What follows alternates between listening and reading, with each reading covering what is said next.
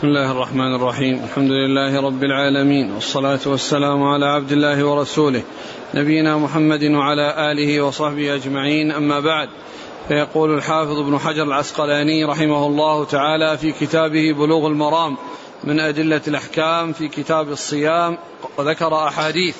قال وعن جابر بن عبد الله رضي الله عنهما أن رسول الله صلى الله عليه وسلم خرج عام الفتح إلى مكة في رمضان فصام حتى بلغ كراع الغميم فصام الناس ثم دعا بقدح من ماء فرفعه حتى نظر الناس إليه ثم شرب فقيل له بعد ذلك إن بعض الناس قد صام فقال أولئك العصاة أولئك العصاة.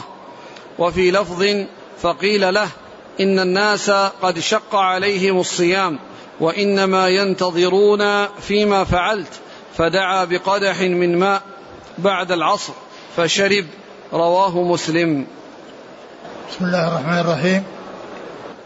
الحمد لله رب العالمين وصلى الله وسلم وبارك على عبده ورسوله نبينا محمد وعلى آله وأصحابه أجمعين. أما بعد فهذا الحديث حديث جابر بن عبد الله رضي الله عنهما من الأحاديث التي أوردها الحافظ بن حجر في كتاب بلوغ المرام من ادله الأحكام ويتعلق بالصيام في حال السفر. هل يصوم المسافر أو لا يصوم؟ والرسول عليه الصلاة والسلام خرج من المدينة إلى مكة في شهر رمضان من السنة الثامنة عام الفتح عام فتح مكة. وكانوا يصومون في الطريق. ولما بلغوا كراع الغميم وهو مكان قريب من مكة قرب عسفان قيل له إن الناس قد شق عليهم الصيام. إن الناس قد شق عليهم الصيام. وينتظرون ما تفعل ليقتدون ليقتدوا به صلوات الله وسلامه وبركاته عليه. فأخذ قدحا ورفعه حتى رآه الناس. وشرب فتابعه الناس على ذلك وكان ذلك بعد العصر فشرب وشرب الناس اقتداء به صلى الله عليه وسلم. ثم إنه بلغها انه ناس بقوا على صيامهم. فقال عليه الصلاة والسلام أولئك العصاة أولئك العصاة. أي الذين لم يسيروا وفقا لما فعله الرسول عليه الصلاة والسلام من الإفطار في حال شدة الصوم ومشقته. والرسول عليه الصلاه والسلام كان بالمؤمنين رؤوفا رحيما كما قال الله عز وجل كان بالمؤمنين رؤوفا رحيم. قال عليه الصلاة والسلام قال الله عز وجل لقد كان لكم في لقد جاءكم لقد جاءكم رسول من أنفسكم عزيز عليه ما عنتم. عزيز عليه ما عنتم يعني شق عليه عنتكم ومشقتكم. حريص عليكم بالمؤمنين رؤوف رحيم. صلوات الله وسلامه وبركاته عليه. فدل هذا على أن الصائم أن المسافر له أن يصوم. ولكن إذا كان الصيام يشق عليه فعليه أن يفطر وألا يصوم. وعلى هذا فاختلف العلماء في الصيام في السفر فمنهم من قال إنه أن, أن, أن الأولى أن يصوم ومنهم من قال إن الأولى أن يفطر. والحق وسط في ذلك وهو أن الإنسان إذا علم من نفسه أنه يشق عليه أو عرف أنه شق عليه فإن الأولى في حقه أن يفطر. وأما إذا لم يشق عليه الصيام ولم يكن عليه تعب ونصب فيه فإن الأولى في حقه أن يصوم. لأنه إذا صام والحالة هذه يعني يبادر إلى أداء أداء الواجب عليه ولا يفطر مع أنه لا مشقة عليه لئلا يعني يبقى عليه الدين وقد يكسل عن عن قضائه وأدائه والمبادرة إليه. وإذا صام مع الناس يعني أدى الواجب الذي عليه ولم يحمل ذمته شيء يعني قد يصعب عليه أو قد لا يتمكن من المبادرة إليه فالوسط في هذا أو في هذه المسألة هو الذي ينبغي.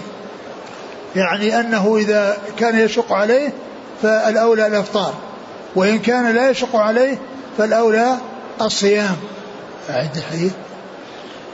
خرج النبي صلى الله عليه وسلم عام الفتح إلى مكة في رمضان فصام حتى بلغ كراع الغميم.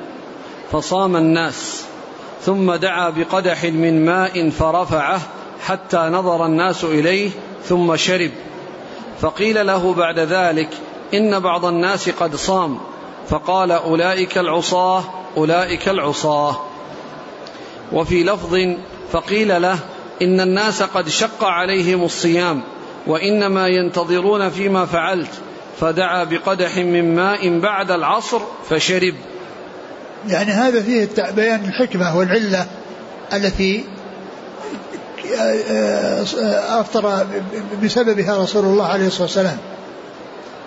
وهو المشقة التي حصلت للناس.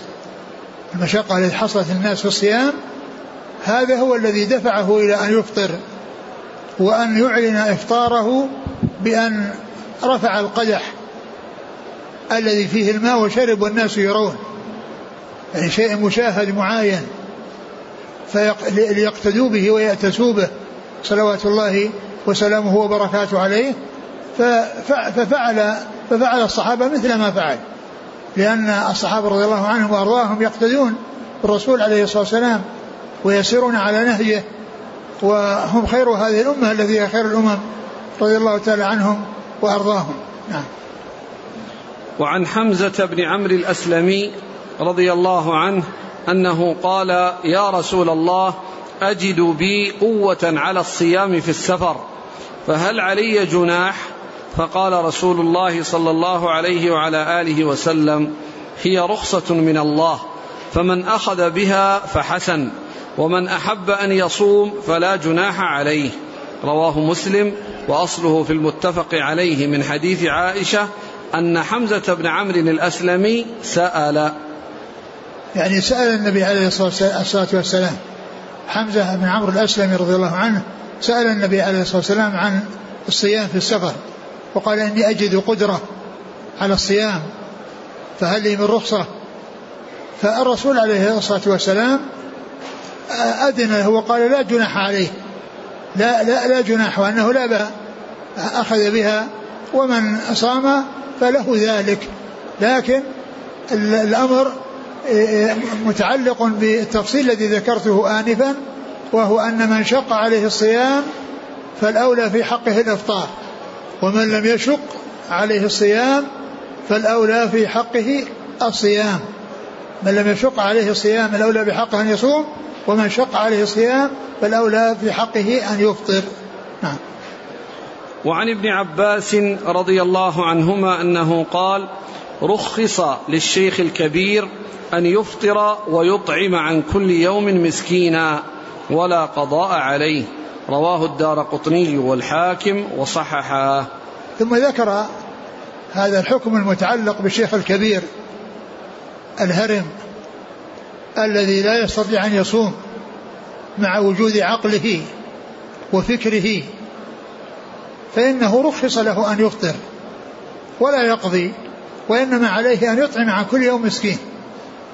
كفارة. يعني يطعم بدل الصيام عن كل يوم مسكين. ولا قضاء عليه. لأنه صام لأنه عاجز عن الصيام وغير قادر عليه فسقط عنه وجعل عليه كفارة وهي إطعام مسكين لكل يوم إطعام مسكين لكل يوم فهذا حكم آه، الشيخ الكبير والمرأة الكبيرة الذين لا يستطيعون الصيام مع وجود عقولهم. أما إذا حصل له الخرف وحصل له تغير العقل ولم يكن يعقل ولا يؤدي الصلاة يعني كما ينبغي فإن هذا يسقط عنه وهذا يصير مرفوعا عنه القلم يصير مثل مجنون والقلم رفع عن الصغير حتى يبلغ والمجنون حتى يفيق. فمن كان يعني تغير عقله وصار ليس عقله موجودا فإنه ليس عليه قضاء لا صيام ولا قضاء. ما دام أنه أصابه ما أصابه من الخرف وهو لا يصلي ولا يؤدي الصلاة كما ينبغي وكذلك الصيام ليس عليه قضاء ليس عليه قضاء ولا كفارة لأنه غير مكلف. نعم. وعن أبي هريرة رضي الله عنه أنه قال جاء رجل إلى النبي صلى الله عليه وعلى آله وسلم فقال هلكت يا رسول الله. قال وما أهلكك؟ قال وقعت على امرأتي في رمضان. فقال هل تجد ما تعتق رقبة؟ قال لا. قال فهل تستطيع أن تصوم شهرين متتابعين؟ قال لا. قال فهل تجد ما تطعم ستين مسكينا؟ قال لا. ثم جلس. فأتي النبي صلى الله عليه وعلى آله وسلم بعرق فيه تمر. فقال تصدق بهذا. فقال أعلى أفقر منا؟ فما بين لابتيها أهل بيت أحوج إليه منا. فضحك النبي صلى الله عليه وعلى آله وسلم حتى بدت أنيابه. ثم قال اذهب فأطعمه أهلك. رواه السبعة واللفظ لمسلم. ثم ذكر هذا الحديث المتعلق بالجماع في نهار رمضان. المتعلق بالجماع في نهار رمضان. فإن هذا فعل محرم وأمر خطير والأكل والشرب والجماع في نهار رمضان كل هذا يحصل به الإفطار. والإنسان لا يجوز الإنسان أن يقدم على الإفطار. في نهار رمضان إلا إذا كان مرخصا له مثل المسافر والمريض. أما من كان صحيحا معافى فإن عليه أن يحافظ على الصيام وألا يقصر فيه وألا يحصل منه الإفطار بأي مفطر.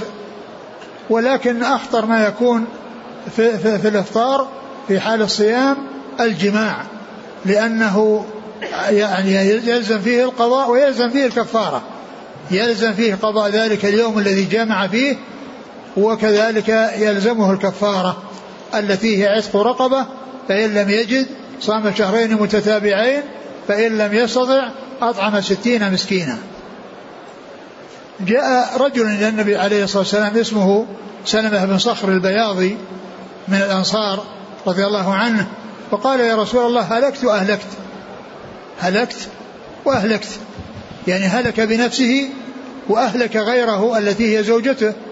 ومعنى ذلك أنه وقع في شيء فيه هلكة وفي أمر خطير وأمر عظيم وجاء تائبا نادما على ما قد حصل منه فيريد آه، بيان الحكم وبيان ما يجب عليه. وهذا يعني يدل على ما كان عليه الصحابة رضي الله عنهم وأرضاهم من آه، المبادرة إلى الرجوع إلى الرسول عليه الصلاة والسلام بما يجري لهم وما يحصل لهم رضي الله تعالى عنهم وأرضاهم. قال هلكت وأهلكت يا رسول الله. قال وما لك؟ ما الذي حصل؟ قال وقعت على أهلي في رمضان في نهار رمضان وقعت على أهلي في نهار رمضان. يعني هذا هو الذي آه، قدم له بقوله هلكت وأهلكت. يريد هذا الفعل الذي هو الجماع في نهار رمضان. فالرسول عليه الصلاة والسلام أرشده إلى الكفارة. أرشده إلى الكفارة. قال أتجد ما تعتق رقبة؟ يعني هل عندك شيء تستطيع أن تشتري به رقبة وتعتقها؟ أو هل تملك رقبة فتعتقها؟ قال لا. قال فصوم شهرين تستطيع أن تصوم شهرين متتابعين؟ قال لا. قال فتطعم ستين مسكينا. فقال إنه ليس عنده شيء. فهو لا يستطيع أن يعتق ولا يستطيع أن يصوم وليس عنده أيضا ما يتصدق به على ستين مسكينا لكل مسكين نصف صاع. فالرسول عليه الصلاة والسلام لما أرشده إلى هذه الأمور وكلها غير متوفرة من عنده الرسول صلى الله عليه وسلم سكت وهو جلس فأتي عليه السلام بعرق. يعني مكتل زنبيل كبير يتسع لخمسة لعشرين صاع أو خمسة يعني خمسة عشر صاعا يعني يكون يكون فيه لكل لكل مسكين مد. يعني ما إذا كان خمسة عشر في الصاع أربعة أمداد يصير ستين يصير ستين. فأتي فأعطاه إياه وقد صدق به. فقال أعلى أفقر منا يا رسول الله؟ نحن فقراء. وإن أنه ليس بين لابتي المدينة أفقر منا. فضحك الرسول عليه الصلاة والسلام حتى بدت أنيابه وهو أنه جاء يعني يسأل عن الحكم وأخبر به. ثم بعد ذلك لما لم يكن عنده ما يتصدق به وليس عنده كفارة وجاء ذلك المال الذي أعطاه النبي صلى الله عليه وسلم ليكفر به. فقال ليس هناك أحد أفقر منهم في المدينة بين لابتي المدينة واللابتان هما الحرتان. حرة المدينة التي تقع بينهما المدينة حرة غربية وحرة شرقية. فقال فضحك النبي صلى الله عليه وسلم وقال صدق به على ذلك. فهذا الحديث يدل على وجوب الكفارة على من جامع في نهار رمضان وأنه قد ارتكب أمرا خطيرا وعليه أن يتوب وهذا الصحابي إنما جاء تائبا نادما على ما حصل منه ويسأل عن سبيل الخلاص والسلامة والنجاة من هذه الورطة التي وقع فيها فالرسول عليه الصلاة والسلام أرشده إلى هذه الكفارة بهذا التفصيل الذي هو عتق فإن لم فإن لم يجد صام شهرين متتابعين فإن لم يستطع أن يصوم فإنه يطعم ستين مسكينا. والرسول عليه الصلاة والسلام آه، آه، لما أذن له بأن يتصدق به عن نفسه من العلماء من قال إن الكفارة سقطت عنه وأنه ليس عليه, عليه كفارة لأنه عاجز. ومنهم من قال إنها تبقى في ذمته أنها باقية في ذمته وهذا هو الصحيح. هي باقية في ذمته لأنه مكلف وعليه كفارة وإذا وجد فإنه يأتي بهذه الكفارة. التي عليه. يأتي بهذه الكفارة التي عليه التي أقلها الإطعام التي أقلها الإطعام وإذا استطاع الصيام العتق لا يعدل عنه إلى ما دونه. وإذا لم يستطع العتق واستطاع الصيام لا يعدل عنه إلى ما دونه. وإذا لم يستطع لا هذا ولا هذا فإنه ليس أمامه إلا الكفارة بالإطعام الذي هو أن يطعم ستين مسكينا. و آه، والأصل هو بقاء بقاء الذمة وبقاء الشيء في الذمة. والرسول عليه الصلاة والسلام ما أخبره بأنه قد برئ وأنه قد آه، سلم وأن الكفارة يعني سقطت عنه وإنما آه، أعطاه ليتصدق على نفسه ليصدق على غيره ولكنه كان ادعى أنه أفقر من غيره. فالرسول عليه الصلاة والسلام أذن له بأن يأكله. وأن, وأن يستفيد منه. وليس فيه ما يدل على أن الكفارة سقطت عنه. ليس فيه ما يدل على أن الكفارة سقطت عنه. هذا الحديث. عن أبي هريرة رضي الله عنه أنه قال جاء رجل إلى النبي صلى الله عليه وعلى آله وسلم فقال هلكت يا رسول الله. قال وما أهلكك؟ قال وقعت على امرأتي في رمضان. فقال هل تجد ما تعتق رقبة؟ قال لا. قال فهل تستطيع أن تصوم شهرين متتابعين؟ قال لا. قال فهل تجد ما تطعم ستين مسكينا؟ قال لا. ثم جلس. فأتي النبي صلى الله عليه وعلى آله وسلم بعرق فيه تمر. فقال تصدق بهذا. فقال أعلى أفقر منا؟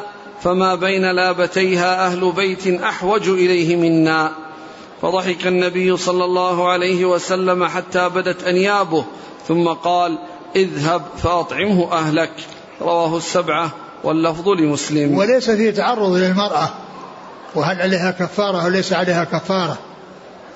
وهناك تفصيل لا بد منه في هذا الأمر فيما يتعلق بالمرأة. فإن كانت مطاوعة فإن عليها الكفارة. فإن عليها الكفارة. كانت مطاوعة وموافقة على يعني هذا الفعل. أما إذا كانت مكرهة وأنه أكرهها فهي معذورة ليس عليها شيء. هو الذي عليه الكفارة وهي لا كفارة عليه أما إذا كانت هي أرادت ما أراد أو فعلت ذلك الشيء برغبة منها كما حصل له ذلك فإن عليه الكفارة وعليها الكفارة. فإذا المرأة لم تذكر في الحديث ولكن الأمر فيه, فيه التفصيل لأن لأنه إنما أخبره بناء على أقراره وهذا بخلاف المرأة فإنها لم تأتي ولم تحصل يحصل منها الإقرار أو عدم الإقرار فإذا يبقى الأمر على أنها إن كانت مطاوعة فإنها مثله في الحكم وإن كانت مكرهة فإنه لا شيء عليها لأنها لأنها يعني معذورة لكونها مكرهة على مكرهة على هذا الفعل. والله تعالى أعلم وصلى الله وسلم وبارك على عبده ورسوله نبينا محمد وعلى آله وأصحابه أجمعين. جزاكم الله خيرا وبارك الله فيكم ألهمكم الله الصواب وفقكم للحق. نفعنا الله بما سمعنا وغفر الله لنا ولكم وللمسلمين أجمعين. سبحانك اللهم وبحمدك أشهد أن لا إله إلا أنت أستغفرك وأتوب إليك.